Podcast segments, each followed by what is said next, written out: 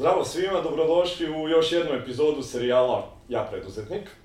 Veliko mi je zadovoljstvo da vam predstavim Dašu, današnju gošću i domaćicu, domaćina, svašta nešto.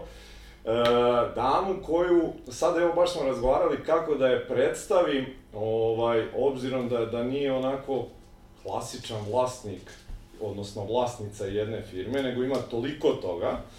Reći ću vam samo da je u e, jednom onako eminentnom magazinu, nemačkom, proglašena za top 100 preduzetnica Evrope. I mislim da će vam to biti sasvim dovoljna referenca da počnemo ovaj razgovor, pa želim da vam predstavim Draganu Gagu Đermanović. Gago, dobrodošla najpre e, u naš serijal, a hvala ti na gostoprimstvu ovde kod tebe u tvom domu. Veliko mi je zadovoljstvo, Đorđe, baš sam se radovala i da popričamo, a i da postanem deo zajednice Ja preduzetnik, tako da baš mi je, baš mi je drago da sam ovde. I nama je, moram ti reći, zaista zadovoljstvo što smo ovaj, uspeli da se i uskladimo na kraju sa terminima i sve i ja sam se radovao ovom razgovoru. Evo za početak da ti kažeš šta je i ko je Gaga Đermanović. Mislim, uh, odlično je što počinjemo sa tako teškim pitanjima, što znači da će do kraja emisija biti mnogo opuštenija.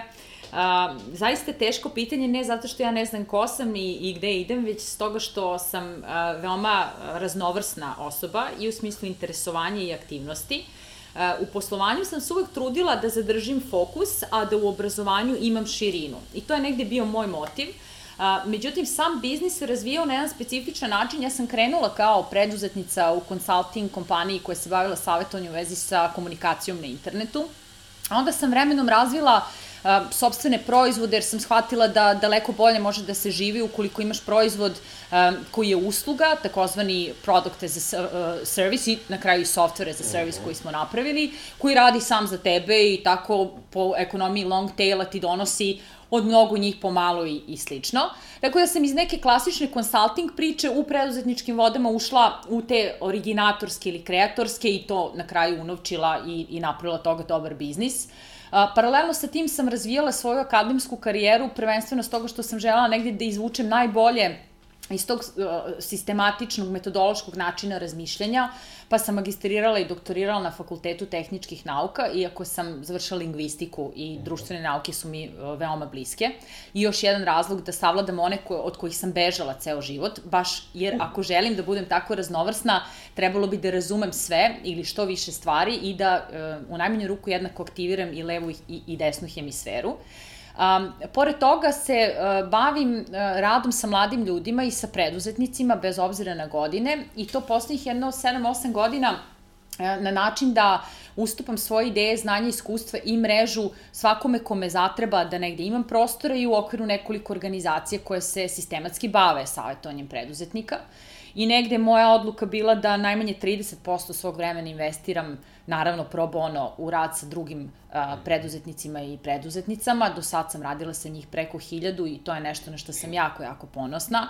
I govorim to s namerom a, da negde inspirišem e, i ostale preduzetnike i preduzetnice da postanu deo mreže, jer mreža je ta koja na kraju produžava snagu, mogućnosti i potencijal svakog od nas pojedinačno.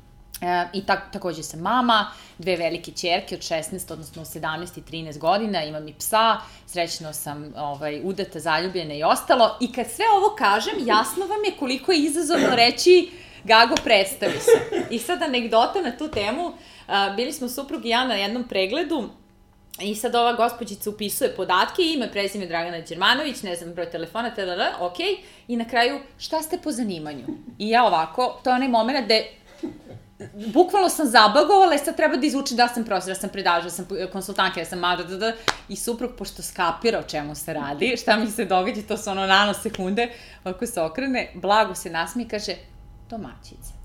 I sad to je bilo toliko zabavno, zato što i, i ja krećem da se smijem i sad ova žena ne, ne konta u čemu je fora, piše tamo domaćica, izlazimo napolje i na kraju to je istina. Domaćica u smislu neko ko se domaćinski odnosi do svakog izazova i do svake prilike koja mi se nađe na putu. A to znači razmišljam o budućnosti, razmišljam o sadašnjosti, razmišljam o drugim ljudima, razmišljam o svim biznisima, razmišljam o našoj zemlji, A mislim, to taj neki domaćinski odnos do života. Mislim da je sad svima jasno zašto je meni bilo teško da te predstavim uopšte.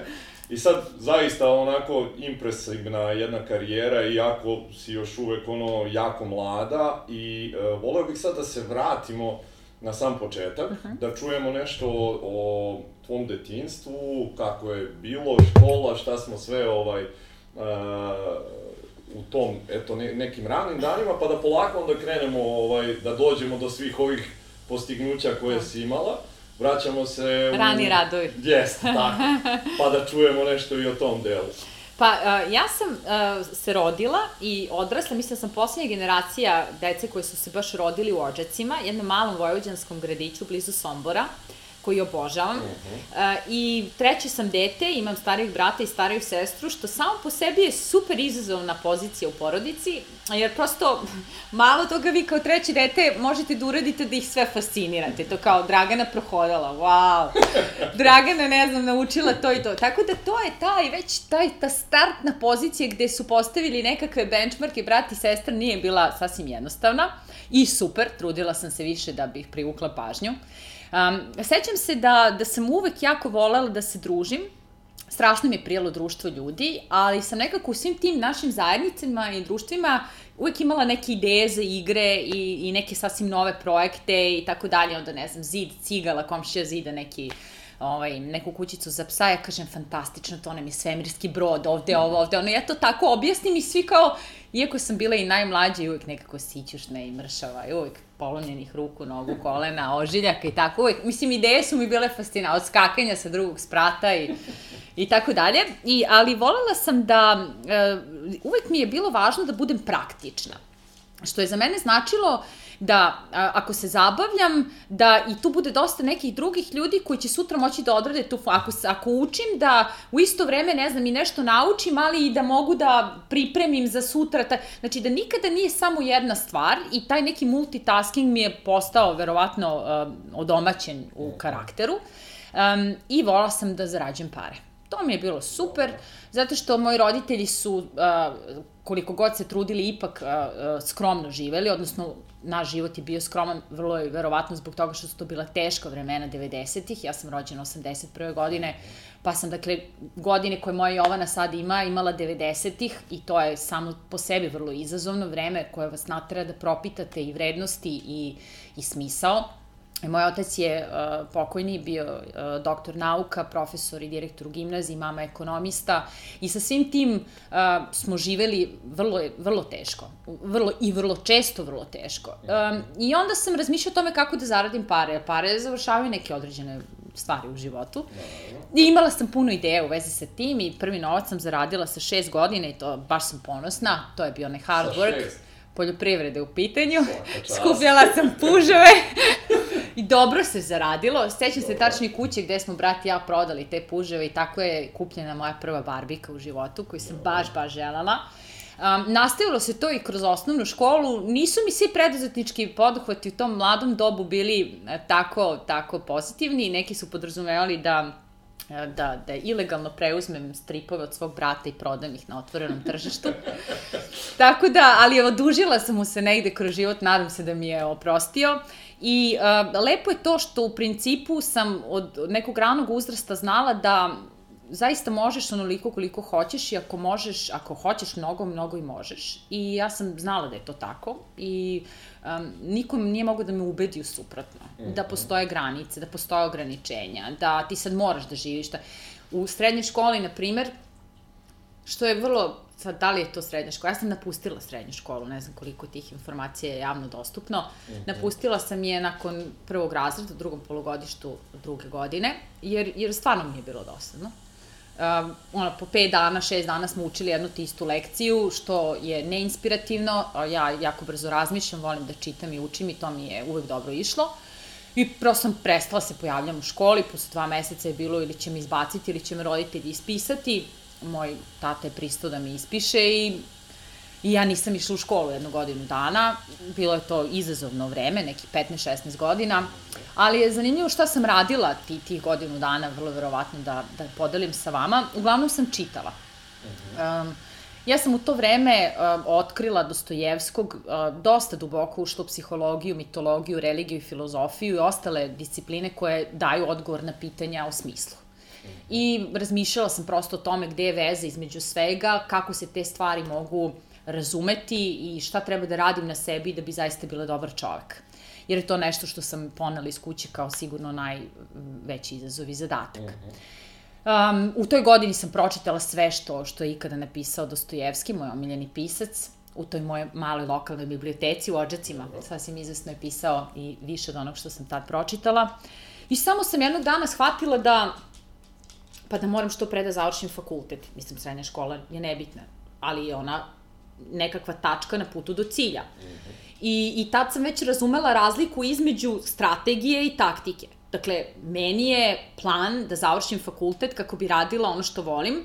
Da bi to uradila, bi radila ono što volim i završila fakultet, moram da završim i tu srednju školu i tako sam relativizovala ozbiljne izazove. I onda sam mesec za mesecom završila srednju školu za šest meseci, prvi razlik u prvog razreda, drugi, treći, četvrti razred sa odličnim uspehom i kako idemo dalje. E, I, I umeđu vremenu sam radila još nekoliko poslova, osnovala sam amatersko pozorište u mojim ođacima, postavili smo Bele noći Dostojevskog, onda sam napravila neki kurs za manekene, fotomodele, pokrenula omladinsku redakciju na, na radiju gde sam upravljala i financijama i programom i kreirala sobstvene dve i tako. Dakle, bilo je vrlo zabavno, a eto, to je nekih 15, 16, 17 godina i teško vreme, ali meni je baš bilo dobro. E, završila si nekako, znači, srednju školu. E, nakon toga upisuješ fakultet. Jeste. E, srednju školu sam završila sa 16, mislim sva četiri razreda bilo je še, sa tom godinom pauze, 16 godina.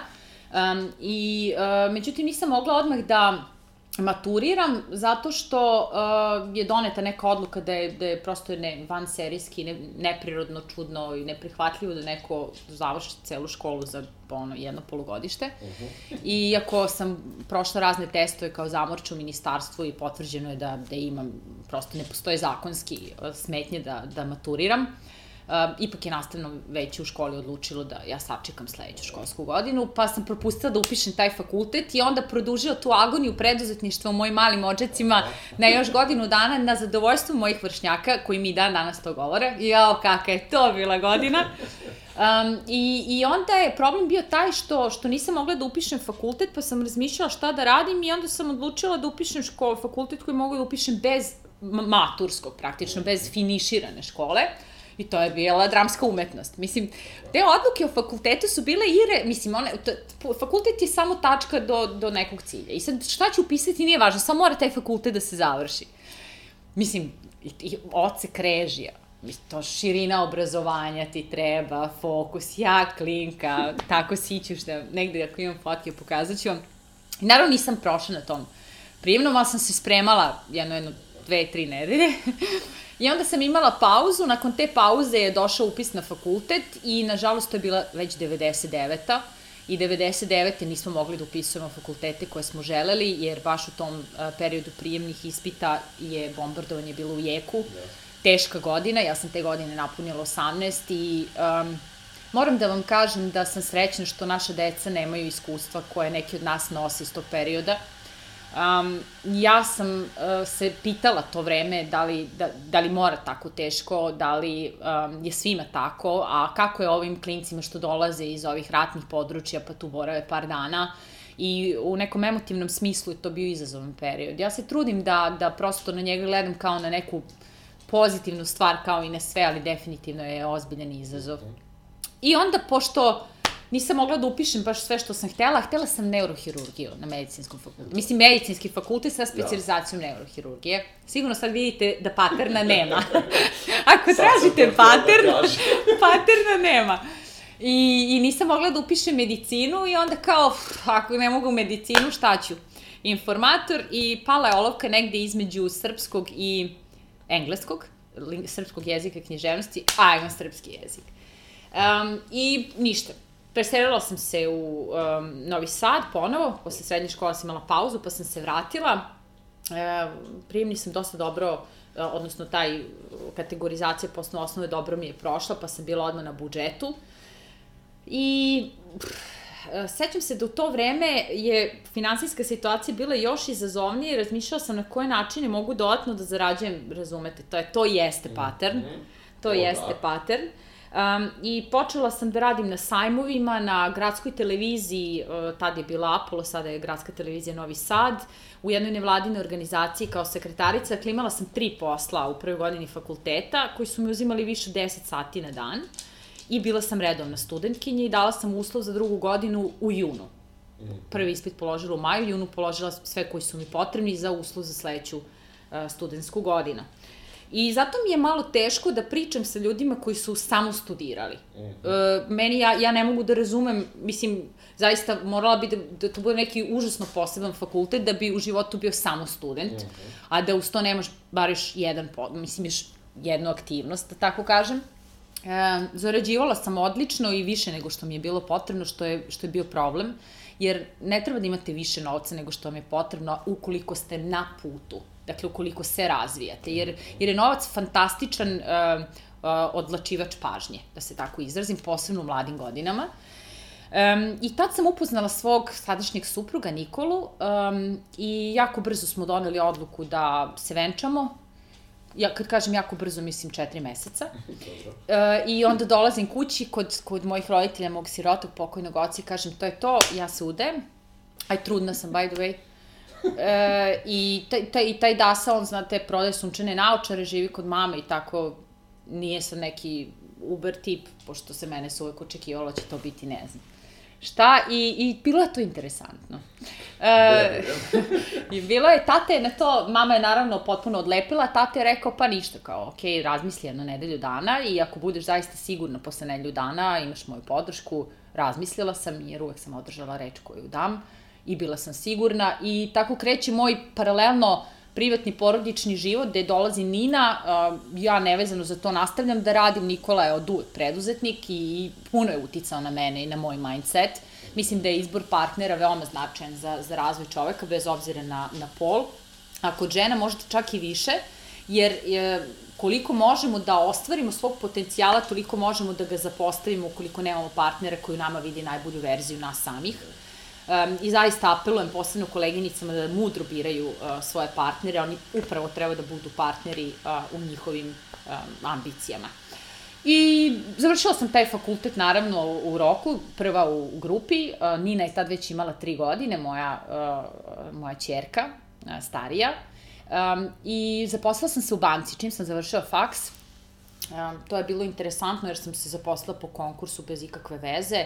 Sećam se šefice kabineta kod koje sam otišla na razgovor za pripravnicu u sektoru marketinga i PR-a, rekla je da, da, to je to, primljeni ste. Ja kao, pa... I kao, znate šta, mislim, završili ste fakultet, imate dve godine iskustva, imate 21, dve godine, uh, mislim, kakve meni više reference treba, ono, više ste nego kvalifikovani. I onda počinje ta etapa banke uh, u kojoj sam bila nekih 6-7 godina, uh, a, opet nekim vrlo snažnim stavom a, napredovala u hijerarhijskoj lestvici do a, najmlađe menadžerke u istoriji neke finansijske institucije u našoj zemlji. Mm -hmm. 24 godine sam imala kada sam postala menadžerka za odnose s javnošću u kabinetu predsjednika izvršnog odbora, tada druge najveće banke u zemlji. I to je bila stvarno karijera i snova to sve, službeni automobil, kancelarija, ogromni budžeti, ja mlada, puna ideja, ambicija, tad se rodila, u to vreme se rodila i Jovana, moja druga čerka, i, ali, ali, ali je tad postalo teško.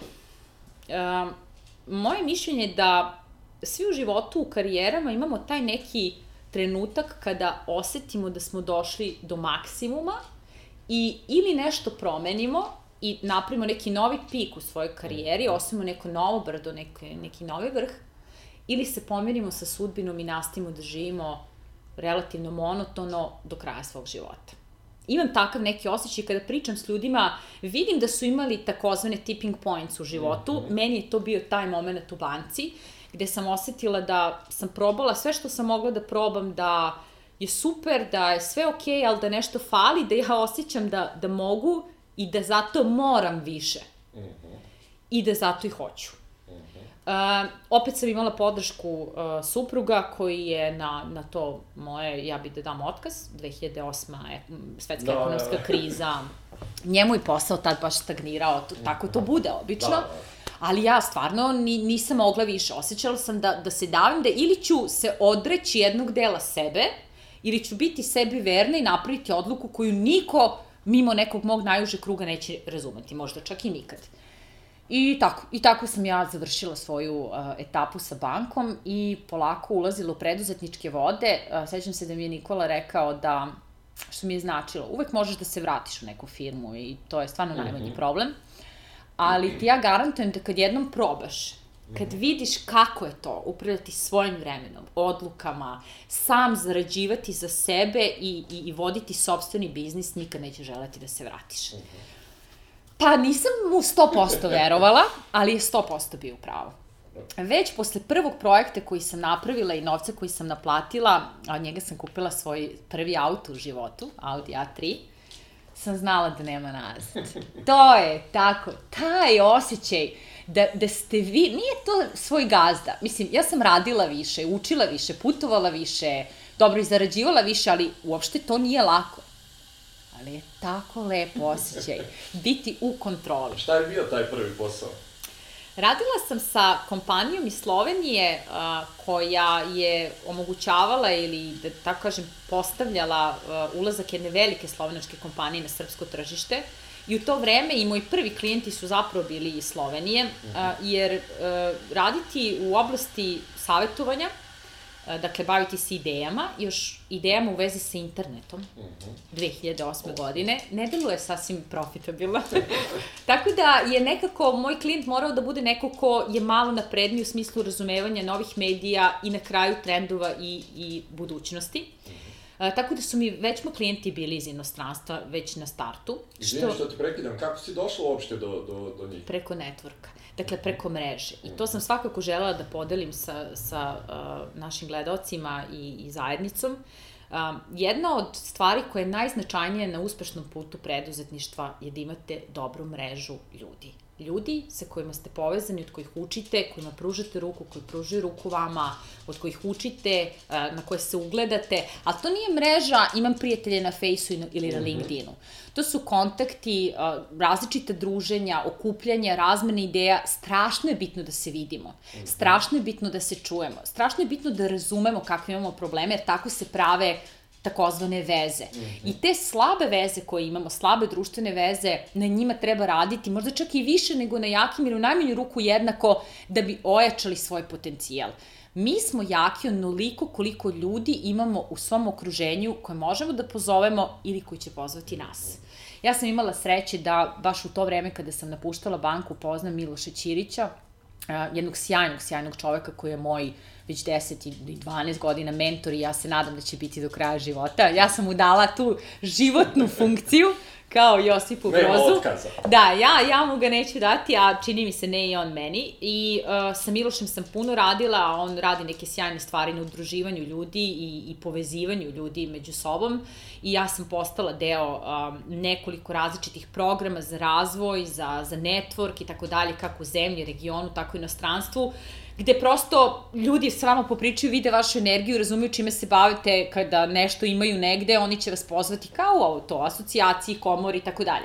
Dakle, te stvari nisu samo tako cool zvuče, nego su to mesta gde se skupljaju ljudi koji slično razmišljaju, nikad ne znate sa kim ta osoba može da vas poveže, ali morate da date zajednici i toj svojoj mreži da biste dobili. Ako ulazite primarno samo da biste dobili, pa malo to nije kulturno, ali je i opet legitimno. U biznisu je sve legitimno ukoliko, ukoliko je u skladu sa zakonom.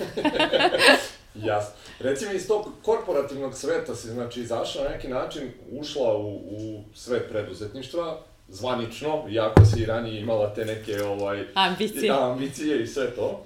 E, šta su ti u tom trenutku recimo bili najveći izazovi? Pa, pa vrlo verovatno uh, uh, to što, mislim, ja sam osoba uh, koja se jako teško snalazi sa birokratijom i sa tim formalnostima. Mislim, generalno mi formalnosti jako teško padaju. dajte mi bilo koji posao, bilo koji zadatak, bilo koju količinu knjiga, bilo koju kriznu situaciju, i ja ću to sa lakoćem i zadovoljstvom uraditi. Dajte mi papir koji treba da odnesem u neku od institucija, objasniti. Mislim, ja jednostavno, prvo, e, kad se suočim sa nekim problemom ili sa nekom stvari koju treba da obavim u nekoj instituciji, bilo da je to APR koji je po svemu sudeći najsvetlija tačka našeg yes. birokratskog sistema, ali to, neki ti fondovi, poreska, sad čekam neki, znači čekam da mi neka gradska poreska dostavi rešenje koliko da im nešto platim. Znači, oni to ne dostavljaju nedeljama. I su, juče moja knjigovođa zvala da ih pita, dakle, ja hoću da im dam pare. Tamo treba nešto da raspišu tamo. E, ali to je ostalo negde u nekoj fioci, pa kad se oni nešto sete, a priprema da ja odem tamo da to predam, mislim, meni, ja se, ja se ježim od toga i to mi je definitivno bio najveći izazov. Mhm. Imala sam sreće da uh, je uh, moj preduzetnički biznis od početka bio naš preduzetnički biznis, odnosno faktički je porodični biznis uh -huh. koji mhm. smo zajedno razvijali i vodili Nikola i ja. Uh -huh. I on, za razliku od mene, ima mnogo više strpljenja sa ljudima i uh, ume da, da bude praktičniji u tim formalnim stvarima, pa je na sebe preuzeo najveći deo zadataka oko financija, oko administracije, oko banaka, advokata, knjigovođe, zaposlenih plata, što je, složit ćete se, jedan ogroman, tako da tako kažem, zadatak te, i teret, ako pitate mene, um, i ja sam sa lakoćom radila ono u čemu sam ja najbolja. Tako da ta neka podela je sigurno uticala na to i da i naš biznis bude tako uspešan, a i da ja uh, budem toliko srećna u njemu. Mhm. Ne znam da bi bilo isto da nisam imala Nikolu, što je više. Eto. Verovatno ne. Ali da. znaš kako kažem, ono, sve stvari u životu se dešavaju sa nekim razlogom, ja uvek trudim se da imam taj stav. Tako ovaj, zanima me sad, uh, spomenula si da ti birokratija, recimo, nije išla mm -hmm. i verovatno ni dan danas da. ti ne ide od Ja odbijam da mi ide. uh, neka od, uh, recimo, osobina koje si morala da razviješ u tim početcima ili možda kasnije, a koju nisi imala, a koja je bila neki preduslov da bi krenula korak dalje? To je spisak, Đorđe. Ja sad ako bi krenula... Prvo, a, pitanje je fantastično zato što u osnovi si rekao na čemu si tačno morala da radiš, što ti ne ide ili si izbegavala, da bi se penjala stepenicama.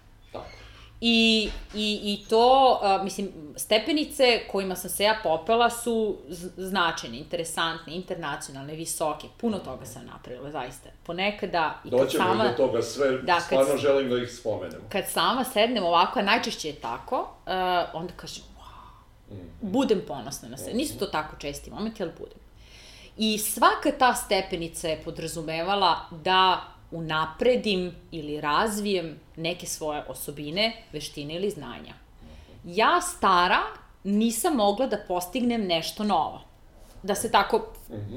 izrazim, metaforički. Mislim da je odlično. Ono. Da. I šta se sad događa? Uh, vrlo je teško raditi na sebi ako pričamo o nekim veštinama, ako pričamo čak i o karakteru, pošto na samom startu ja sam morala da promenim svoj temperament. I rado ću podeliti detalje jer mislim da je priča bitna. Kada su u pitanju nova znanja, to je već malo lakše, jer to imaš knjige, imaš seminar, da. imaš edukaciju, pa naučiš, pa malo vežbaš, pa budeš u tome bolji. Um, ali kada je u pitanju karakter, temperament, način razmišljanja, reagovanje u određenim situacijama, to je jako izazovno. Izazovno je stoga što prvo mi sebe ne vidimo. Mi ne možemo da uočimo šta kod nas baš nije tako funkcionalno ili bi moglo da bude optimalnije. Mislim, jednako ne vidimo sebe iznutra ko što redko sebe gledamo s polja u ogledalu. Da se razumemo, sebi posvećujemo malo vremena i malo se poznajemo. Iako smo sasvim uvereni da sasvim dobro poznajemo sebe i svoje odluke. Što znači da ako ćete raditi na sebi, što je mimo znanja vrlo značajno na svakoj od tih stepenica, trebalo bi da imate mentore, prijatelje, partnere, ljude koji će da vas uče, koji će da vam kažu šta bi moglo da bude bolje i koji će biti nemilosrdno iskreni. I takvih ljudi naravno malo. Prvo, vrlo verovatno da ljudi iz našeg najbližeg okruženja nas i vide boljim nego što možda jesmo, ko što i sami sebe vidimo boljim, jer eto, prosto vole nas i subjektivni su neki bi i mogli što što da nam kažu, ali nisu toliko iskreni. I vrlo verovatno iz najbolje namere, zaista ne ulazim u to. Ali ne možete napredovati ukoliko jasno ne vidite šta u vezi sa vašim ponašanjem i donošenjem odluka nije najbolje. Uh, zato smatram za uh, najznačajniju uh, kapital, za najznačajniji kapital na početku preduzetničke karijere mentorstvo. Uštedi nam vreme, energiju, sigurno novac i osjećamo se bolje. Ja sam imala Miloša, imala sam još nekoliko sjajnih ljudi koji su imali strpljenja i vere u mene da sa mnom rade i uh, mnogo su mi pomogli. Uh, Naprimer, u to vreme na početku karijere ja sam bila neko ko puno, puno zna, uvek hoće to što zna da kaže, uvek sedi u prvim redovima, uvek ima nešto da prokomentariše, ako je neko tu priča o nekom panelu, na konferenciji, na događaju, ja sam sigurno ta mirođija u, u sosu ili kako se već to kaže. I onda su ljudi govorili, da, jeste, ona je pametna i, i vredna i sve to, ali, ali malo je, naš edgy, malo je pa me prijatelj upisao jednom da sam kao kaktus. Mislim, lepo i ja posebno iz daljine nekad i procveta, ali budljikavo. I onda sam u razgovoru sa Milošem baš došla do toga da je teško će me neko u consulting biznisu angažovati ukoliko mu ne prije da radi sa mnom. Nije dovoljno da ja dobro radim svoj posao. Vrlo je značajno da se ljudi u mom prisustvu osjećaju dobro. I da jednostavno moram da razmislim o tome kakvu poruku šaljem svojim nestrpljenjem i, i tako dalje i da puno radim na tome da, da se promenim. I to je bio proces, jednu godinu, dve dana. Imala sam osjećaj kao da mi je neko fizički zlomio kosti, koje sad treba nanovo da srastu. Uh mhm. -huh. Ja sam već imala 28-9 godina i nije lako, ali su brzo dolazili rezultati, promena reakcije ljudi prema meni i to je bila najveća inspiracija koju sam da. dobila. E, promenila sam još neke svoje osobine uh, tokom tog preduzetničkog puta, neke zato što sam osetila da bi bilo bolje da su one drugačije. A, a sve to u vezi sa ciljem koji sam postavila. A, moj cilj uvek u poslu i u životu je bio taj da radim dobro, dobre stvari, da mi je dobro. Ali to moraju biti dobre stvari koje radim, moram ih raditi dobro u smislu kvalitetno i želim da živim dobro. Dakle, da imam sve što želim, onda kad želim, onoliko koliko želim. Dobro, dobro, dobro su uvek stvari koje su me pratile, jer sam ih birala. Da bi živela takav život, morala sam da dam više od ostalih i više od ostalih da se trudim, što znači i da se menjam i razvijem. Učenje mi je padalo najlakše, ove promene karaktera i temperamenta malo teže, a sad mi one padaju jednako lako. Uh mhm. -huh. e, spomenula si ovaj, ciljeve, pa me zanima recimo e, kako si ih postavljala sebi u e, tom početku, je se promenio taj koncept umeđu vremenu, jesu li to pisani ciljevi, jesu li neki kratkoročni, dugoročni, kako uopšte sve to formuliš ti? Da.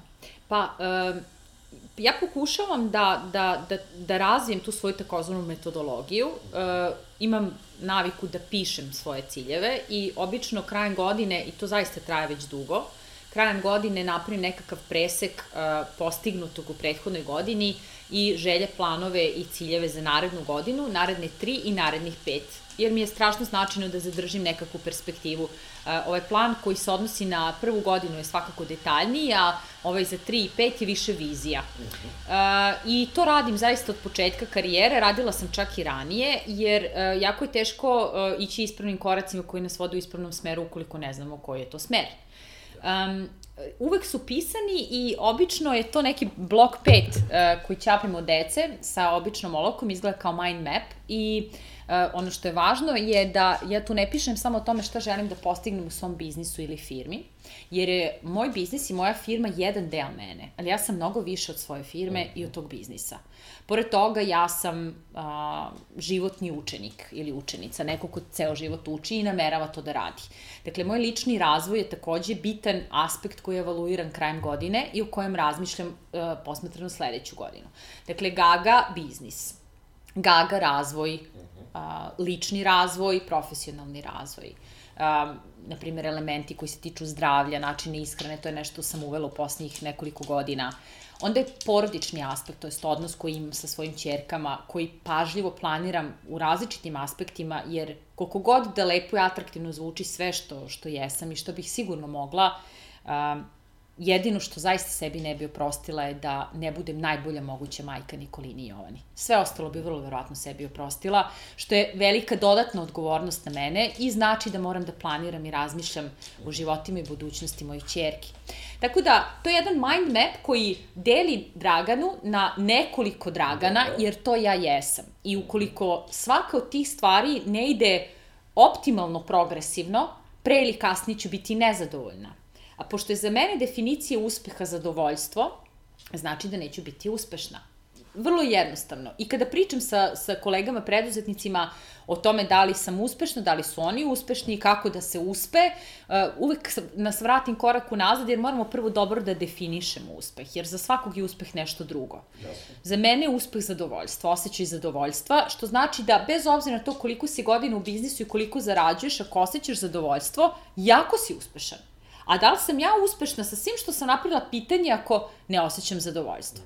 I ono što sam rano razumela je da mora da postoji sklad između različitih aspekata, da tako kaže mene, koji će voditi nekom opštem zadovoljstvu i to je preduslov da zaista uspem. Biznis je jedan deo te uh, uh, slagalice, mhm. bitan deo, ali i dalje ipak samo jedan deo. Spomenuli smo malo pre ovaj, te neke sve stvari koje si postigla i koje su zaista fascinantne i volao bih da, da ih podelimo sada da ljudi stvarno imaju prilike to da čuju. Obzirom da je e, lista jako velika, ja inače svi znaju ne držim beleške, nemoguće je bilo da, da sve to zapamtim. Tako da ovaj, stvarno bih te zamolio da, da podeliš sa svima eto, te neke stvari koje bi ti izdvojila i za koje si onako najponosnija u, u svojoj dosadašnjoj karijeri. Dobro. Znala sam, ta, tako počeo si s tim teškim pitanja, pa onda me presećeš, malo me pustiš da to literastvo, ta pesnička sloboda, pa onda Uh, ovako, uh, moj, moj omiljeni autor je rekao, kada god čovjek priča o sebi, to se na kraju uvek pretvori u hvaljenje, i vrlo verovatno iz tog razloga ne pričam o stvarima koje sam uradila i redko ko od ljudi, a pa čak i mojih kolega će pronaći javno dostupne informacije o mojim klijentima i projektima koje sam napravila. I mislim da to nije fair, zato što trebalo bi da se pohvalim i da podelim te stvari. Mislim da imaš apsolutno razloga da, za da, to. Da, kada, kada, kada čuju, na primer, ljudi za kompanije sa kojima sam radila, evo, na primer, da kažem ovako, u top 20 firmi u Srbiji sam radila sa, na primer, 18. Radila sam sa, sa ministrima i predsednicima vlada zemlje, regiona, Evropske unije, sveta, investitorima koji upravljaju fondovima od stotina miliona evra i investirali su najveće kompanije na svetu koje sad znamo i savjetovali ih na, na tom putu. Dakle, jako je bitno da, da kažem tu stvar. Um, radila i savjetovala um, drugog najbogatijeg holandjanina, između ostalih stvari i tako dalje. Dakle, moj posao je bio takav da radim sa vrlo značajnim velikim kompanijama, sa pojedincima koji utiču na, broj, na živote velikog broja ljudi, i da im pomognem da bolje razumeju društveni ambijent koji je bitno promenjen zahvaljujući digitalnim mhm. tehnologijama. Uh, I biznis mi je bio značajan jer sam tad i tu u praksi mogla proverim koliko sam stvarno dobra Meni je teorija od uvek išla i jako volim da učim, ali ono što me čini stvarno opasnom je to što jako volim da radim i što sam uporna i istrena i u radu postižem odlične rezultate. A, prolazilo je vreme da ja za to nisam dobila nikakve potvrde. Prvo, ve, većina klijenata, jer i u velikim kompanijama sa kojima radim, koje, koje sam spomenula asocijativno, znate, i imam uvek debele ugovore o tajnosti podataka i to tako yes. mora da bude. Uh, Ali bez obzira na to, um, uvek sam radila sa ljudima iz top managementa, zato što proces promene, razumevanja kompleksnosti situacije i odluka o investicijama i tako dalje uvek dolazi sa tog nivoa. A i na kraju biznisi se tu uvek i završavaju. Ako pričamo o nekim nižim hijerarhijama, nažalost, posebno u, na ovim nekim podnebljima, ali, ali slično je u inostranstvu, to su mesta na kojima se odluke i donose.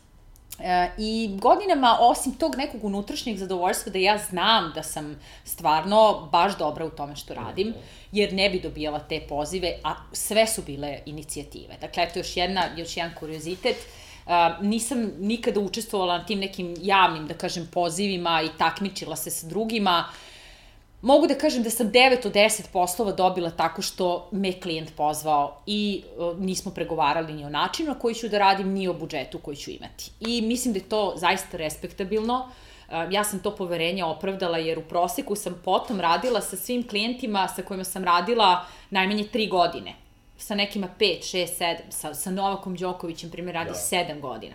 Dakle, uh, dobiti nekog takvog klijenta nije mala stvar u svet, na, na globalnom, na globalnom nivou. nivou Ali ga onda dobijati iz godine u godinu, u godinu, u godinu to je tek priča za sebe. A, a, a, a, a pošteno sam radila i naplaćivala svoj posao. Uh, I, uh, međutim, neke, neke kolege i koleginice su dobijali priznanje, javne priznanja, često se pisalo njima u medijima, nije mi to falilo. Uh, ja sam od onih koji uh, znaju da budu srećni u četiri zida i uh, što više uživam u tome kako vreme više prolazi sve više. Um, ali mi je bilo interesantno da, da dobijem poziv za, za nagradu tu konkretno u Berlinu koju ste spomenuli. To je bila i prva nagrada, priznanje, da tako kažem javno, koje sam dobila u životu. Radi se o organizaciji e, i nemačka vlada uključen njihov startup ekosistem i Evropska unija i tako dalje, gde su evaluirali e, preduzetnice e, iz Evrope, ne samo Evropske unije, i ja sam se našla na toj listi 100 top preduzetnica Evrope. Listu je potom preuzeo američki magazin Forbes i dao joj dodatno na, na težini i legitimitetu. Um, I onda sam bila u Berlinu par dana pre toga u Luksemburgu gde sam kao um, članica žirija već nekoliko godina za redom u konferencijskom odboru ICT Spring e, konferencije u studentskom takmičenju Morpheus Cup, koje je najveće studentsko takmičenje Evrope.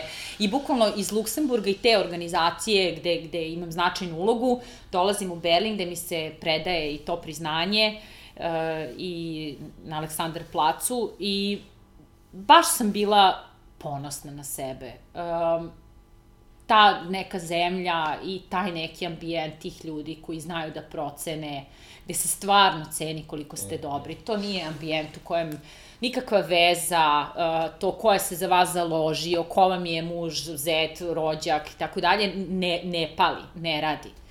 I kad se nađete u takvom društvu i neko vam kaže, hej, to što radiš ima smisla, koliko god da nam ne trebaju priznanje da kažemo da je super u četiri zida, znači. Nakon tog priznanja sam e, dobila prvo i idu dalje i do dan danas jedino priznanje u našoj zemlji, a sigurno meni najbliže bez obzira na, na sve, a to je a, e, titula za ženu zmaja, uh mhm. -huh. Udruženja poslovnih žena Srbije, koje zaista radi izuzetne stvari da. za, za sve žene preduzetnice, odnosno preduzetnice. Uh, Um, i, I ovom prilikom im se zahvaljujem na, na tome jer je bitno da postoje takve organizacije koje nas povezuju i koje nam daju priliku pa i koje nam nekad kažu hvala. I one su meni tom prilikom rekle hvala što si takva i što si uzor uh, mladim preduzetnicama i, i to mi je priznanje znači i sigurno mi znači najviše od svih koje sam dobila, a bilo ih je još. I treće koje um, koje je negde bio, bio, bila i kruna, a, da tako kažem, a, i moje prethodne karijere, pošto sam ja već sad u pripremi nove karijere, postizanje nekih novih visina, je da sam 2017. godine u New Delhiju na ženskom ekonomskom forumu, koji je takođe svetski uh, događaj, uh, organizacije koja broji preko 200.000 žena iz celog sveta, dobila titulu za e, ženu decenije u oblasti društvenih mreža i liderstva. Dakle, u mojoj oblasti mm -hmm. koju sam razvijala tih 10 godina, najprestižnije priznanje na svetskom nivou. Uh, preko 2000 žena je uh, poslalo svoje konkretne radove u vezi sa rešavanjem određenih društvenih pitanja iz njihovih oblasti. Ono što sam ja poslala je ocenjeno kao najkonkurentnije, primenjeno je u nekim zemljama, um, stala sam na, na tu binu u toj nekoj ogromnoj sali gde su učesnici, učesnici iz 150 zemalja sveta, um, dr. Harbina Rora, predsjednica organizacije i, i um, organizatorka događaja je stala, predstavila me kao queen of social media i tako, bilo je baš dirljivo i prozvala me imenom, prezimenom i najavila da sam iz Srbije, i stala sam za, za tu govornicu i pogledala i shvatila u stvari koliko je to velika stvar. Uh -huh. U publici je bila koleginica koja u to vreme vodila, čini mi se, Facebook za, za uh, Southeastern Asia region, uh, koja nije dobila moje priznanje, bila u istoj kategoriji, to nije mala stvar. I bila sam ponosna na sebe i na svoj tim, na odluke koje sam donosila um, i bila sam ponosna ime svoje zemlje. Zato što Eto, tako da, to su sigurno neke baš onako velike stvari kad je posao u pitanju, a lično, verovatno sam najponosnija na to što i dalje želim i volim i uživam u tome da učim. Mm. Reci mi sad, uh, nešto što je isto veliki deo tvog uh, i života i posla, kako god sad to nazvali, na jako velikom broju svetskih priznatih konferencija si bila i keynote speaker, da. tako da bih hteo samo kratko da se dohvatimo ovaj, i tog dela tvoje neke, pa da kažemo, poslovne priče, da, da eto, čisto i, i e, ljudima dočaramo malo gde je to gde si ti sve bila govornik. E, pa ta karijera predavačka se isto tako uh, razvijala uh, eksponencijalno sa ostalim stvarima. Uh, I jedna od prvih naj, najznačajnijih sigurno koja, na kojoj sam učestvovala kao, kao kino odgovornica je bio uh, Webcom u Montrealu u Kanadi. Um, bila sam fascinirana organizacijom takvih nekih događaja, to kad imate konferenciju 3-5 hiljada ljudi, posle sam bila u Dublinu na web, uh, na web summitu koji je imao 30.000 učesnika, tako da onda te granice onako počinju da se pomeraju, pa gde, gde me pozivaju, ne znam, godinu dana ranije, pa sa ta organizacija gde je, kako i šta, mislim, u, u, u, u, kad sam, u zgradi Ujedinjenih nacija je bio sam događaj, pa sama je po sebi imponzantna i taj amfiteatar i tako dalje. To je bilo baš dirljivo, imala sam divno predavanje i to mi je bilo prvo predavanje koje sam održala na engleskom, takvo jednoj publici.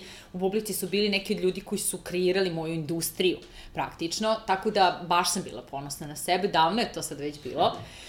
Pa nastupala sam na Cebitu, Cebit je dosta poznata konferencija u Hanoveru, u LA, u Austrijama, Nemačkama, Italijama, ne znam, Amerikama, zaista ih je dosta, bude ih sigurno na desetine na godinu, ali ono što je važnije je da kažem da najmanje jednako sati učim i posećujem konferencije kao učesnica i uglavnom sam u prvom redu koliko predajem. Jer količina onoga što unesem u sebe, trudim se da bude proporcionalna onom što dam. E, I to je nešto što je meni lično značajno, doduše puno košta, investicija je uh, edukovati se na takav način. Menadžerski premium konferencije te komercijalnog tipa, E, koštaju 5, 6, 7, 8 hiljada evra za nekoliko dana koje provedete, ne znam, u Bostonu i tako dalje.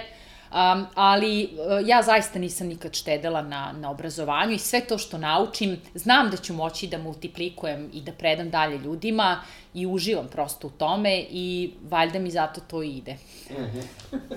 A, e, mislim da ljudi, ono, i kad te vide i kako pričaš o svom poslu i uopšte generalno vide tu energiju u tebi i to zadovoljstvo i taj sjaj u oku. Da, tako, tako da, mi je da je ovaj, tako. To, to se definitivno vidi. E sad, zanima me, uh, pričala si o, o svim uspesima do sada. Zanima me šta smatraš nekim greškama koje si napravila u svom poslovanju? Pa, uh, ja, mi, ja, ja ne bih mogla da kažem da što, nasmejala sam se zato što moja mlađa čerka, uh, ona jednostavno ne priznaje da ima greške, da postoje stvari na kojima treba da radi, da ih unapredi. Uh, tako imamo neku porodičnu igru i sad kao, ajde da kažemo šta su naše vrline i naše mane, pa sad Nina kaže svoje vrlo objektivno, Nikola i ja, i onda kad doćemo do Jovane, ona kaže, moje vrline su i rrrr, a moje mane, pa ja nemam nijednu manu. I onda mi kažemo, mala je bila, mi kažemo, pa dobro Joko, a to što, na primjer, nikad ne pokupiš igračke, ne ovo, i onako, šta to, pa to nije uopšte mana. Tako da, da, da citiram zapravo Jovanu, ja, ja smatram da ti izazovi koje sam imala i da ih uslovno nazovem greške, u stvari uopšte nisu greške. E, I to je, to je moj, i zato mi je teško. Ja bih mogla da navedem situacije koje, na kojima sam možda mogla da odreagujem drugačije, ali ja znam da je trebalo da odreagujem tako da bih naučila određenu lekciju. Da. I, I onda mi je strašno teško da, da kažem, nesumnjivo da, da, da sam grešila, naravno, i, i da imam tih uspona i padova, to mi je bilo strašno bitno, baš sam pričala na jednoj konferenciji biznis, biznis kafe ili tako nešto. Um, i, I onda i kao, pa da li, jer, jer se desi nekada da, da ste uplašeni, da želite od svega da odustanete, da ne, Pa svaki dan. Ako je jednom super.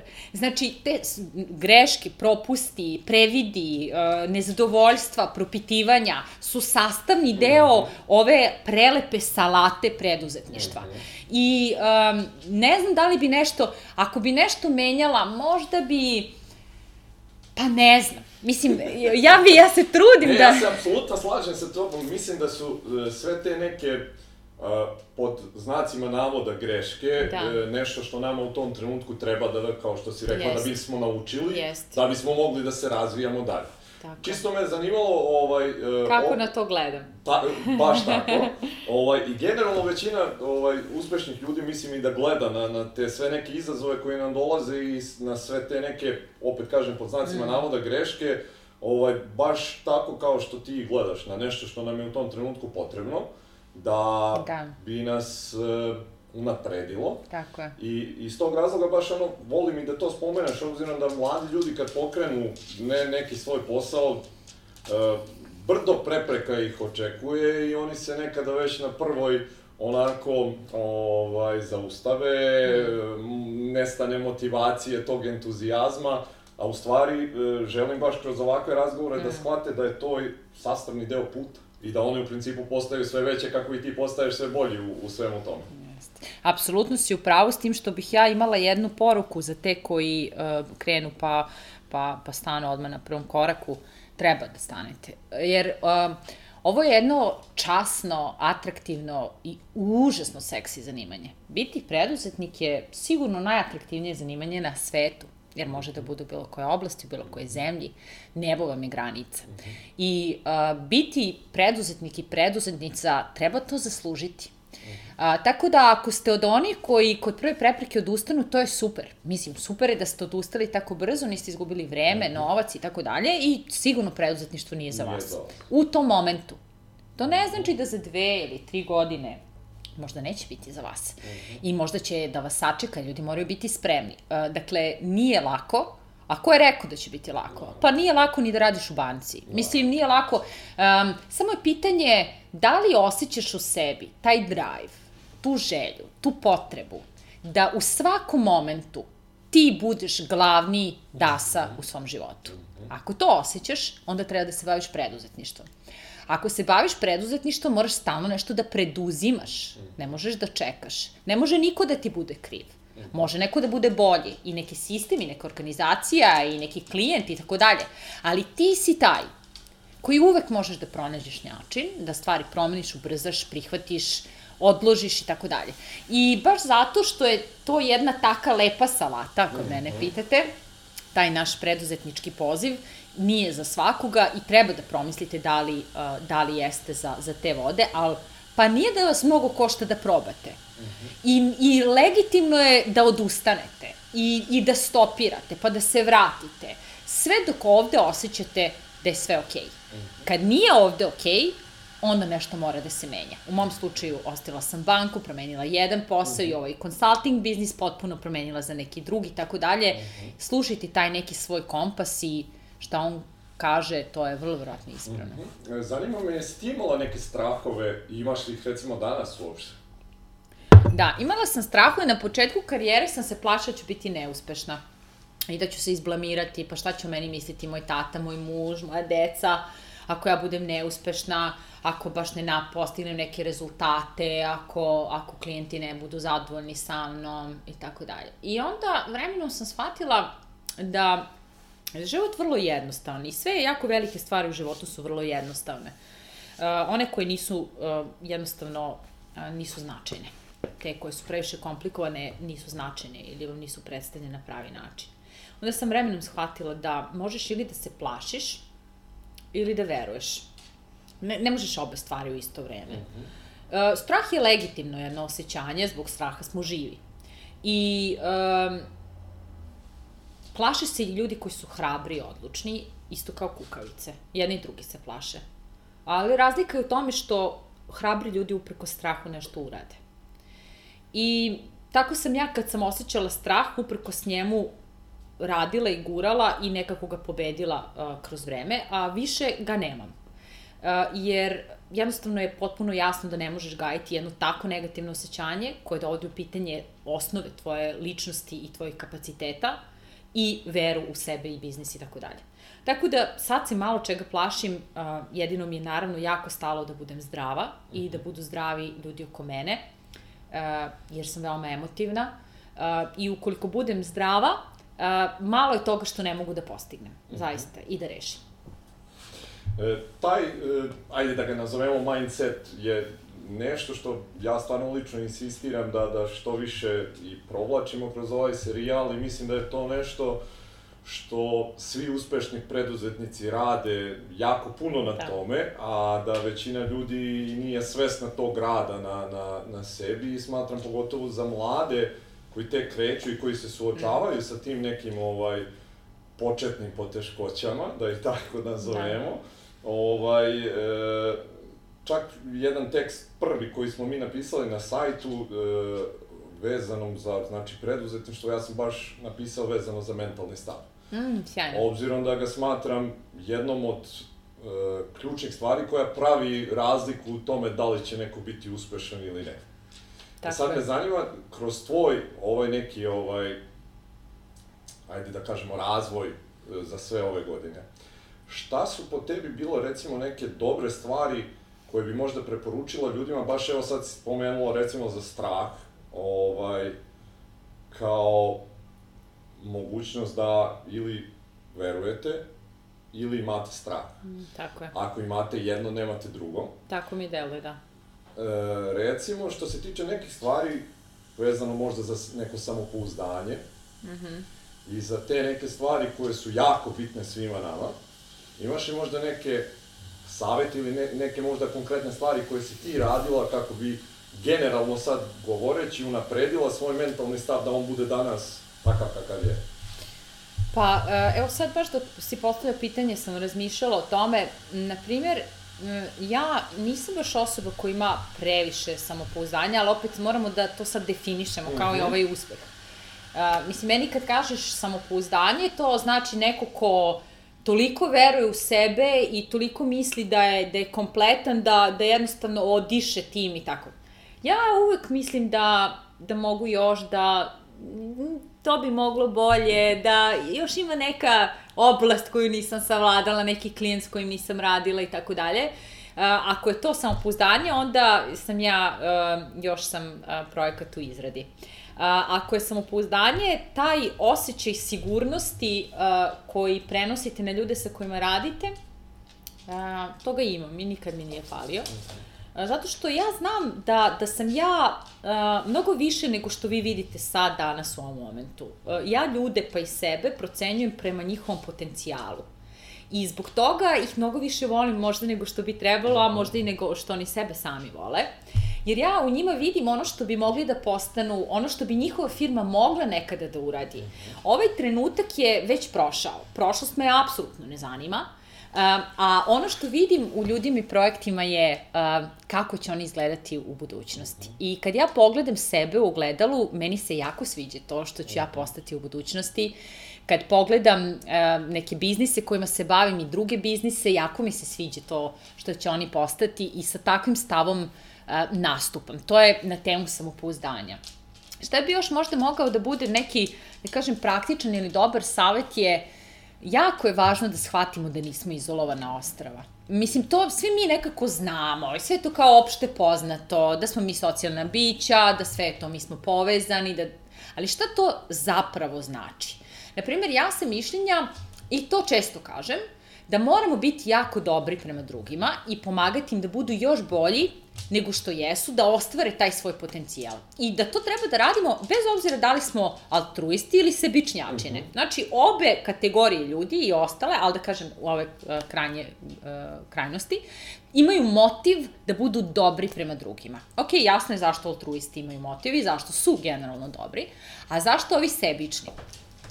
Jer, jer to je sad zapravo fora. Zato što ako si sebičan lik, biznismen, pojedinac, nije bitno, ti stvarno želiš da ti bude jako, jako, jako dobro i pa čak i ako je to na, na štetu nekog drugog. Ja volim da mi je dobro, ali nikad na štetu drugog. E pa da znaš da će ti biti dobro do neke granice, ali uh, da, bi, da bi nastavilo da ti bude dobro, mora da bude dobro sistemu oko tebe. Znači, ako si najsebičniji preduzetnik na svetu, radi dobre stvari prema svom ekosistemu, jer što je taj ekosistem bolji, ti ćeš bolje napredovati, moćeš više usluga da prodaš, više proizvoda da prodaš i tako dalje. Znači, i oni koji zaista vole druge i oni koji ih zaista ne vole, imaju razlog da čine ovu zajednicu, ovu zemlju i ovu planetu boljim mestom za život. I iz tog razloga apelujem na sve naše kolege da razmisle o tome da li su zaista dovoljno deo zajednice. Da li zaista dovoljno često, iskreno i, i dobronamerno pomažu svojim kolegama preduzetnicima, koleginicama, e, ljudima koji su tek početnici, koji imaju nedoumice, e, da li istinski odgovaraju na pitanja kada ih drugi pitaju i tako dalje. Da li zaista jeste deo zajednice ili ne? Ako niste i ukoliko ni, svojim primjerom i radom ne činite zajednicu boljom, na kraju ni vama ne može da bude dobro. Ako ste altruista, odmah će da vas boli srce. Ako ste sebičan čovek, shvatit ćete da vremenom dolazite do neke granice i da ako ne pokrenete sistem, ni vama ne može da bude dobro. Mislim da dotakli smo se toga baš ono malo pre ovog zvaničnog početka da. razgovora i baš si ispomenula koliki broj e, tvojih blogova je posvećen tim nekim e, deljenjima informacija koje su onako poprilično vredne, koje si ti nesebično delila sa drugima i čak si mi rekla da si imala reakcije od kolega, mislim, ono kao zašto to radiš. Da. Ovaj, ali da. mislim da si ovde baš onako jako objasnila ovaj, zašto i da u stvari e, ne postoji, niko ne pravi uspeh na uštrb našeg uspeha, da ima Tako sasvim je. dovoljno mesta za, za sve nas. Iha. Mislim, i, i to i geografski, i u smislu različitih niša, i u smislu potpuno novih zanimanja i prilika materijala i opcija koje se rađaju zahvaljujući digitalnoj uh, revoluciji. Dakle, toliko ima, uh, što je samo potrebno, samo je potrebno da, da, da istinski odlučimo da radimo stvari u koje verujemo i da pronađemo načine da te stvari ostvarimo. Sad, primer, jedan mali kao ilustracija mindseta koji je malo drugačiji, ali način razmišljanja koji je malo drugačiji od našeg. Imala sam ogromno zadovoljstvo da sarađujem, prvo upoznam, potom sarađujem sa Gregom Horovicem koji je uh, arhitekta za ino, inova, inovacione ekosisteme. Pokušam da prevedem, zaista mi smeta mm -hmm. kada, kada ne prevedem mm -hmm. odmah sa engleskog. Uh, E, I to je čovek koji je učestvovao u kreiranju Silicon Valley pokreta i, i e, startup ekosistema u San Diego i tako dalje.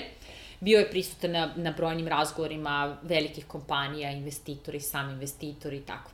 I jednom prikom sedimo i on mi priča priču kada je, o tome kada je Elon Musk došao da e, traži nekih svojih prvih 10-50, nebitno koliko miliona za Tesla Motors I sedeli su neki ljuti investitori ispred njega, Amerika naravno je postavka, i on je rekao, uh, slušajte, guys, uh, ja želim da napravim automobil koji će biti najbrži na svetu, koji će biti najbrži na svetu i koji će ići na struju. E, by the way, nemam nikakve veze sa automobilskom industrijom ni sa uh, industrijom proizvodnje baterije. I sad, zamislite tu scenu u Srbiji Ali u Hrvatskoj nije bitno. Pa može čak i u Italiji, ajde da, da ulazimo u detalje. E, I te ljuti investitore koji sede preko puta. E, odgovor tih ljudi, citiram, je bio hmm, sounds interesting. How can we make this happen? Zvuči zanimljivo. Kako da to omogućimo? Dok negde drugde možemo očekivati, da ne kažem kod nas, odgovor tipa Ma daj, toliko sumanuto. Pa ti ćeš stati na žulj industriji, naftnoj industriji, automobilskoj industriji, i tako dalje. Kada podelimo ovu anegdotu, dakle, to je taj način razmišljanja. Zanimljivo. Ajde vidimo kako da napravimo da se to desi. Jer možemo uvijek da kažemo ili to, ili potpuna ludost, neću ni da se da, uplićem u tu stvar. Um, i, I ono o čemu sam zapravo žela da pričam kad sam ovo spomenula je da fali nam te, ne, ta, tog nekakvog razmišljanja o prilikama i o mogućnostima, da u stvarima vidimo opcije, da nismo zatvoreni, zaključani u neke male kutije u kojima onda ta kutija na kutiju stojimo jedni drugima na glavama umesto da posmatramo čitav ovaj svet zaista otvorenim jer komunikacija, tehnologija, generalna decentralizacija tržišta nam omogućavaju da je svet naše igralište. Ako nije, vrlo verovatno to ne želimo. I to je zaista legitimno, ali onda u tom slučaju, pa ne treba da se žalimo. Naravno. Eto, to je... Reci mi, e, obzirom da si sarađivala sa e, ogromnim kompanijama i imala prilike da radiš sa njihovim top managementom, šta su neke osobine, recimo, najuspešnijih menadžera, koje si, eto, za sve ove godine onako da, da možeš da ih, recimo, klasifikuješ, ako je to uopšte moguće? da, Naprimjer, dosta se razlikuju javne ličnosti, bez obzira da li su iz javnog života ili iz, ili iz zabave, sporta i tako dalje, od uh, menadžera iz uh, kompanije, posebno multinacionalnih. To su drugačiji profili. Ovi su ljudi negde došli uh, E, zahvaljujući nekom svom talentu i to je neki brisan prostor i, i da tako kažem neki individualni ovaj, sport. Dok je ova priča hijerarhijskog napredovanja u uh, top managementu vrlo izazovna i drugačije izazovna za žene, drugačije izazovna za muška i drugačije izazovna u tech industriji, drugačije izazovna u ne znam, uh, robi široke potrošnje. Uh, neki opšti zaključci bi bili da, da su to neobično jednostavni ljudi, mnogi od njih čak vrlo, vrlo skromni, iako uh, odaju taj uh, utisak luksuza i tako dalje i svi imaju veoma skupu garderobu, satove, automobile, ali uh, oni to imaju zato što je to nekakav standard, da tako mhm. kažem, na tom nivou, ne zato što u tome istinski uživaju, hoću da kažem, neki uživaju, ali to nije um, nešto čime se hvale, da tako kažem. Um, najčešće su to jednostavni ljudi koji su svesni gde su, kako su tu došli, i koji uh, žele da rade na sebi kako bi im bilo još bolje u životu. Malo ko, pa čak i um, upoznala sam CEO-a jedne kompanije, španske kompanije, 72 godine ima čovek, znači i on razmišlja o tome šta treba da radi i šta treba da nauči da bi i dalje bio relevantan na poziciji CEO-a. I, I to je neko opšte mesto da, da zaista uspešni ljudi znaju da su tu sada, znaju kako su tu došli i znaju da moraju da rade na sebi na različite načine da bi im bilo dobro i u budućnosti. Ne spavaju u trenutku klimaksa svog života, ne spavaju kad im je najbolje, tad rade najviše da bi ponovo u životu napravili neki vanserijski rezultat. Kako si recimo ti, e, kad si mm, na projektima recimo birala neke saradnike ili kad si trebala možda za neku svoju kompaniju da zaposliš ljude, šta je to što se tražilo u tim ljudima ovaj, e, i šta je to što je prelamalo, recimo, da doneseš odluku da oni budu deo tima? Pa uh, uvek, uvek mi je najznačajnije bilo da uh, žele da znaju, a ne koliko znaju u datom trenutku. Uh, ako sam osetila da su otvoreni ka učenju novih stvari i, uh, i kad to ja testiram, pošto dobiju određene zadatke, kad se u to uverim, to je za mene značajna kvalifikacija. Naravno, super je ako si izgurao fakultet, jer to znači da si dovoljno istrajan, ali nije presudno. Um, ono što meni znači je da, da postoji ta otvorenost, spremnost da učiš nove stvari, da se usavršavaš, zato što se zaista uh, puno toga brzo menja i ukoliko imam te fiksirane uh, mozgove, imaću ozbiljan problem u ovako dinamičnom okruženju.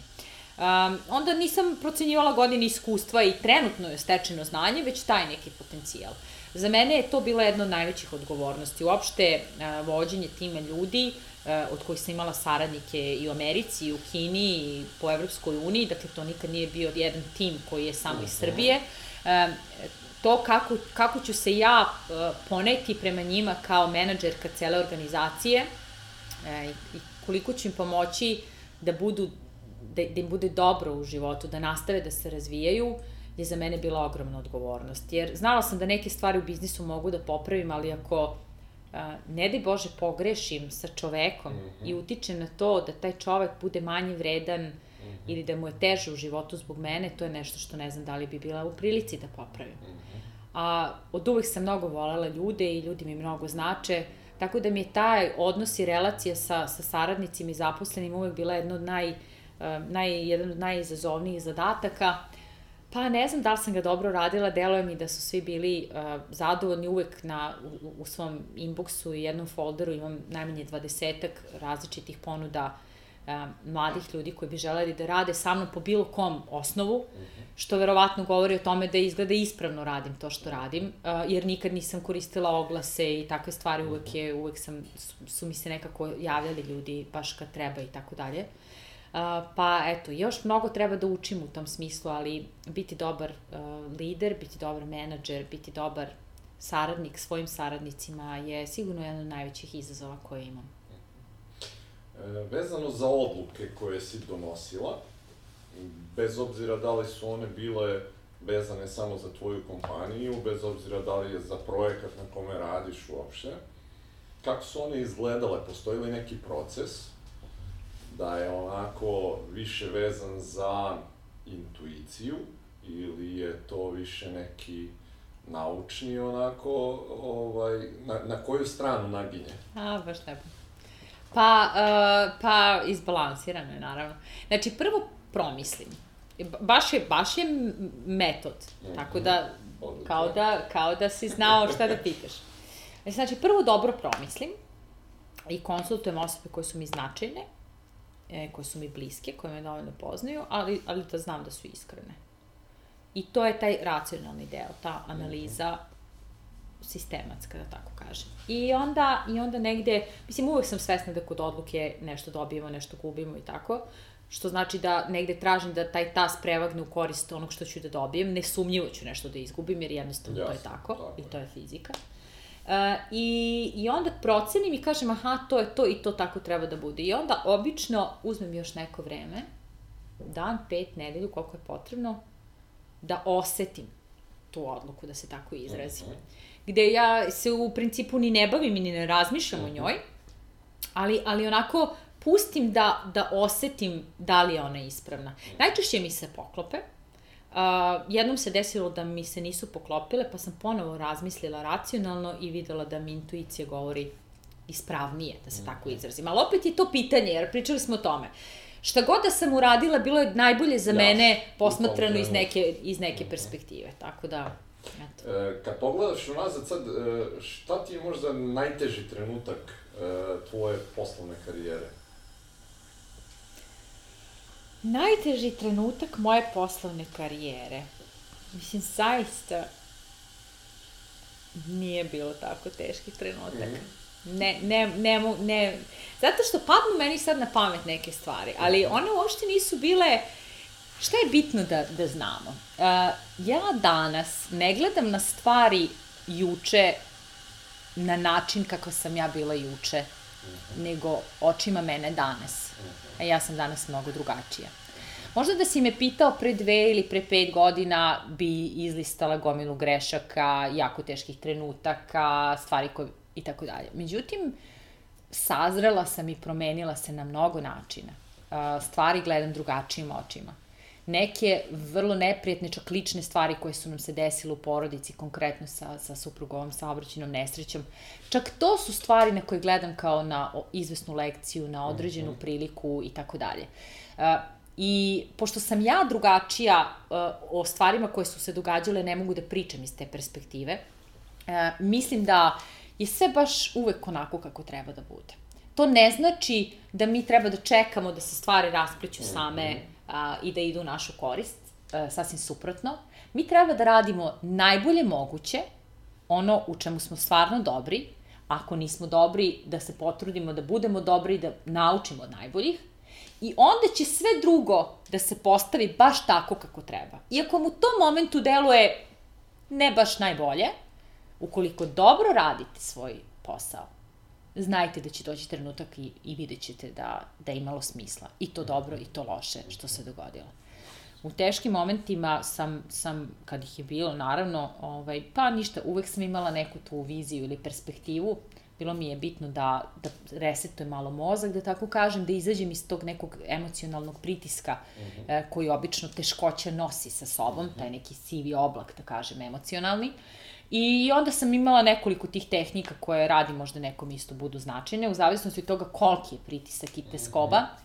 E, ili otputujem, što je teskoba jača, otputujem dalje, Dobro. da promenim kulturu, klimu, vremensku zonu, sve što je moguće. -hmm. Pa po tome, kad tako na brzaka negde kibnem, onda i koliko sam daleko otišla, možete otprilike da procenite kakva je situacija. Nisu naravno sva putovanja takva, ali to mi je taj, to je taj blitzkrieg uh, koji ono napravim i bude mi mnogo bolje. Jer kad tako se isključite, to je to je to, uh, ne gledate više stvari iz žavlje perspektive mm -hmm. gde jedan maslačak je odvratni, ljuti neprijatelj, već ste u ptiče mhm. perspektivi i gledate na sve to kao na jedan sistem koji je fantastično poslagan, gde, gde je sve baš tako kako treba da bude i vi imate dominaciju jer imate širu sliku.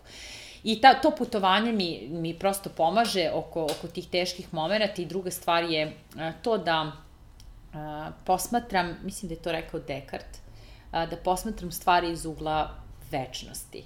da probam određenu situaciju, da zamislim i rasplet, pa i problem koji je nastao, ako je nastao e, iz perspektive za 5, 10 ili 20 okay. godina. Kako bi meni, kako će meni, evo sad baš je odvrtno, baš mi je teško i tako, ali come on, Dragana, ajde zamisli za pet godina kako će to. Dakle, to je taj obrnuti proces, postoje ljudi koji razmišljaju iz ugla prošlosti, ja često razmišljam iz ugla budućnosti i baš je cool.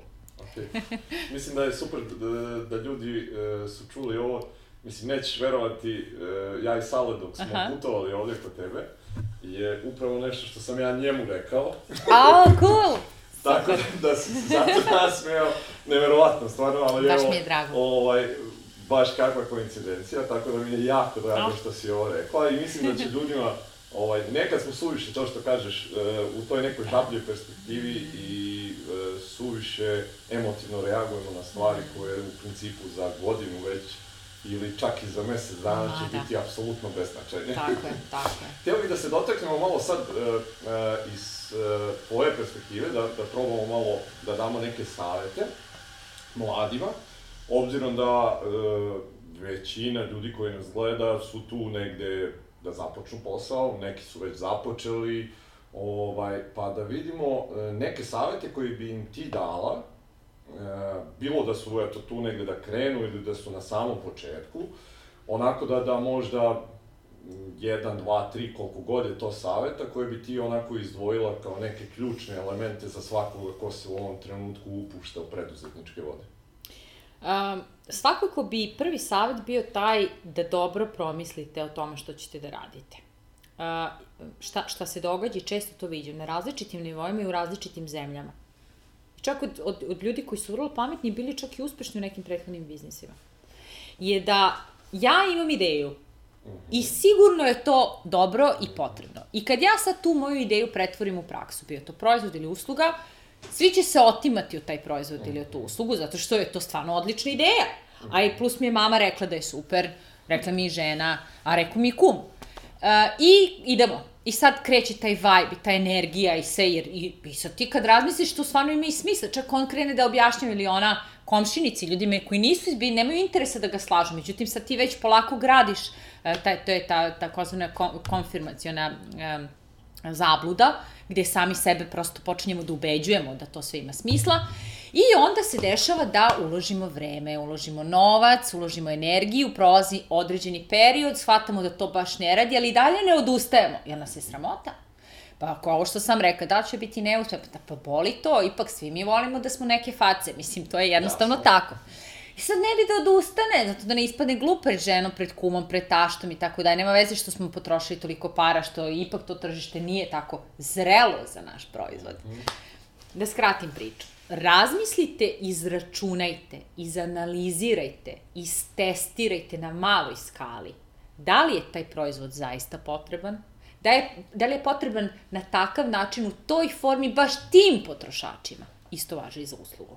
Kad kažem razmislite, istestirajte, to znači napravite nekakvu verziju, zahvaljujući, primjer radi 3D printingu i mnogim drugim tehnologijama, nabavci resurse koji su vam potrebni za različite proizvode, a da ne pričam o uslugama, možete prilično brzo da napravite minimalni upotrebni proizvod koji će ljudi moći da probaju Idite, anketirajte ih po ulicama, investirajte nekoliko nedelja, meseci ako je potrebno, da zaista saznate da li takav proizvod, pripremljen i pakovan na takav način, po toj ceni tim potrošačima istinski treba. Ili u najboljoj nameri kum, komšija, mama i žena su vam samo gladili suetu. Jer uštedit ćete vreme, energiju i tako dalje. Mi jednostavno nemamo tu naviku da testiramo. Nemamo ni, da nam nije u kulturi, jer kao, pa što nema da testiramo, ako sam ja to smislila, to je najbolje na svetu. Ali verujte mi, razgovaram i potom rešavam ozbiljne probleme proizvoda koji su formirani, koji su spakovani, koji su lagerovani, a koji nisu dobri. A to je moglo da se prevenira. Jer nismo svi najpametniji, ili nismo u datom, ili nismo za svaki aspekt biznisa. Um, preporučujem da se povežete sa ljudima, da sa nekim svojim networkom koji će vam dati feedback, kojima ćete slati uzorke i tako dalje. Da se povežete sa fakultetima, sa studentima, sa srednjoškolcima na kraju krajeva, ali dobite puno informacija i ne ulazite ozbiljno u dalju investiciju u resurse i logistiku, pa na kraju krajeva i u ljudske resurse, dok niste sigurni da to što radite ima smisla. Ne, to neće odmah biti najbolje. I, i, i ne kažem ni da treba da bude najbolje, ali nemojte da krenete ako nije dovoljno dobro. A za to vam treba feedback onih zbog koji sve to i radite. Mm -hmm. Imam ih i još, ali mislim da je ovaj stvarno mm -hmm. ultimativan da, da, da znamo na početku biznisa. Mm -hmm. e, reci mi sad, e, e, gledano sa marketinške strane i uopšte e, socijalnih mreža i svega što je ovaj, u ovom trenutku aktuelno, e, neki savet možda koji bi mogla da daš eto, baš tim ljudima koji su na početku, kako bi mogli da iskoriste sve to na neki najbolji način. Znam da je nemoguće da to kažeš u, u, u nekom ovaj, ali u generalnom smislu uopšte, ako je moguće da se mm. tako nešto ovaj, svede u, u par rečenica. Pa ono što nam je omogućila ova uh, digitalna komunikacija i, i uh, društvene mreže samim tim je da, da se zaista predstavimo bez nekih dodatnih resursa, pa čak i bez nekog nužnog uh, ogromnog predznanja u delu produkcije, sadržaja, bez ozre, foto, video, tekstualni. Znači, ne možete da pogrešite um, ako, ako napišete ko ste, šta ste, šta radite, poka, zakačite slike i tako dalje. Facebook grupe, stranice sada menjaju web, web sajtove, mislim, sve informacije mogu da yes. budu tamo, pitanje da vam sajt treba. LinkedIn je strašno moćna mreža u zavisnosti od toga čime se bavite i to možete da koristite. Um, ali ono što generalno treba da znate u vezi sa komuniciranjem je da a, nećete isto komunicirati proizvod koji je apsolutno nepoznat ili uslugu, a, koji je poznat, ali ljudi ga još ne kupuju i ne koriste određenom, a, u, u dovoljnoj meri, mm -hmm. da se mhm. tako izrazim, a, a, a da ćete sasvim drugačije da komunicirate onima koji ponovo koriste vaš proizvod i tako dalje. Što znači da u onom momentu kada završite rad na proizvodu, kada ga formirate i formatirate, morate još više nego pre, a i pre svakako, da razmišljate o potrošaču. O osobi koja zaista treba da ima rešen problem, bez obzira da li je B2B. Mislim, to je, vrlo je bitno da znamo da je isti princip i za odnos sa korisnikom, sa klijentom, sa drugim biznisom kao klijentom, uh, u freelance biznisu sa poslodavcima i tako dalje. Dakle, da li ta osoba od mene dobija to što sam rekao da treba da dobija i na koji način ja razvijem svoj biznis da uvek dobija to što je treba i u budućnosti, jer se potrebe menjaju. I društvene mreže su sjajne da prosto te stvari iskomuniciramo, da predstavimo šta radimo, kako to radimo, zašto to radimo, da predstavimo svoj proizvod i kako, kako on izgleda i kako koristimo. Na primjer, jedan moj, moj dobar prijatelj je pokrenuo biznis sa narom, i sad se taj nar čisti i onda se pakuje one čašice, mogu, može da se kupi u supermarketima. I onda mi je pokazao kako je nekog njegovog poznanika čerka koja ne jede nar, i mislim nar je vrlo specifično voće, uzela onu kašiku i makli i kaže jao što je ovo super, ja kažem to ako imaš dozvolu roditelja uz neki Blue Rocka, a prijatelje, pa pretpostavljam, treba da zakačiš na, na YouTube. Mislim, i da napišeš ime svoje firme i, i ili da zakačiš na svoj Facebook. Pa kako? Pa vidi, to je slikano iz telefona, ali nije važno. Znači, to jeste sadržaj koji govori o tome da li se ispuni obećanje. E, nemojte čekati da imate puno para, da imate super reklamu, da biste zakačili billboard i tako dalje. Vaši potrošači će vam reći, ako ih slušate, problem je što mi baš ne pitamo naše potrošače. Mi mislimo da ih pitamo i mi mislimo da sve znamo, ali nažalost ne znamo i treba da ih pitamo, a njima će biti vrlo drago da nam kažu šta misle, jer na kraju kvalitet našeg proizvoda se tiče i njih. Ili primarno njih. Mm -hmm, apsolutno. Gago, uh, pitanje za kraj. E, da. koje postavim Teško svim... će biti. Teško će biti, počeli smo. Ne znam, vidjet ćemo. Dobro. Ovaj, da imaš priliku da se vratiš na, na početak svoje preduzetničke karijere mm -hmm. i da daš mentorski savet Gagi iz te godine. Mm -hmm. Šta bi joj rekao? Sa ovim znanjem koje sada imaš. Pa, možda je ne bih rekla savet, nego mala, mala upozorenja o tome šta će čekati. Pošto ja nisam znala šta će me čekati. Nimo, nisam mogla ni da pretpostavim. Uh, očekivala sam da neće biti lako i da će biti uspona i padova. i da će se dešavati stvari koje neću razumeti, na koje neću moći da utičem, ali ono na što nisam računala je da ću često biti tužna. I često sam bila tužna kroz ovu preduzetničku karijeru, od mene nepravde jako bole. Boli me kada ne dobijem onu priliku koju znam da sam zaslužila, kada je presudno nešto što ne bi smelo da bude presudno, kada mi je otežavajuća okolnost nešto što tu ne bi trebalo da postoji, kada me razočaraju ljudi u koje sam puno uložila i u koje sam verovala i koji, po mom mišljenju, nemaju razloga da me razočaraju. I to su ti, te, te da kažem, gorke, gorki zalogaji. Um, ali ja znam da, da meni slatko ne bi bilo toliko slatko da ne znam šta je gorko. I sve je to toliko jedna lepa živopisna slika života koju imamo priliku da slikamo sami za sebe i za druge ljude, jer preduzetnički život i rad utiče na druge ljude. Mi smo taj jako živahni, vrlo bitan, vibrirajući deo poslovnog ekosistema koji unosi taj kiseonik preko potreban ili ga prenosi kroz čitavu ekonomsku zajednicu neke zemlje. I, i lepo nam je jer slikamo taj pejzaž sa mnogo različitih boja i, i svaka ta crna nijansa daje tom koloritu na, na punoći i možda i bolje što ta Dragana neće otići da kaže onoj Dragani, jer bi se ona Dragana onda još više rastužila. Um, ali eto, možda bi to bilo to. Okay.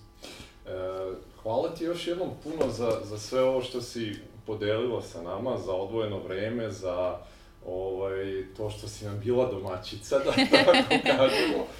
Ovaj, drago mi je što uh, će ljudi koji budu gledali ovo imati prilike da, da čuju po meni neke stvari koje, ja mislim da je jako mali broj ljudi, nažalost, uh, u Srbiji zna šta si ti sve uradila i postigla.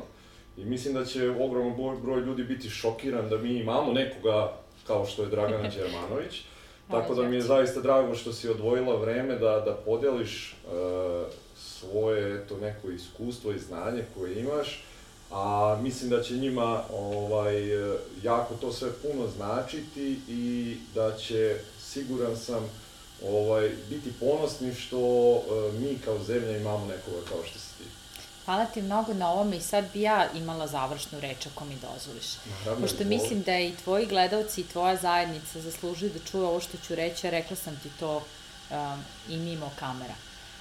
Hvala tebi što si imao inicijativu i uložio napor u organizaciju i sprovođenju delo ovog projekta, samo inicijativno, bez nekakvog spektakularnog, a i da ga imaš i da si ga imao i dalje je legitimno, um, jer uh, ljudi koji kao ti povezuju sve nas i koji pale uh, reflektore na, na, na neke dobre primere su redki, a oni su ti koji osvetljavaju ulice ne čak ljudi kao ja, nego ljudi kao ti i kao tvoj tim. Ja samo apelujem da nas bude više i da svako na svoj način upali svetlo prema nekoj drugoj osobi i da tako zapravo pokažemo koliko svetlimo, a ja duboko verujem da je naša ekonomija takva i da ima takav potencijal. Hvala ti. Hvala tebi puno na, nemam šta da dodam. Hvala vam svima još jednom što ste bili ovaj, sa nama i vidimo se ponovo sledeće nedelje. Prijatno.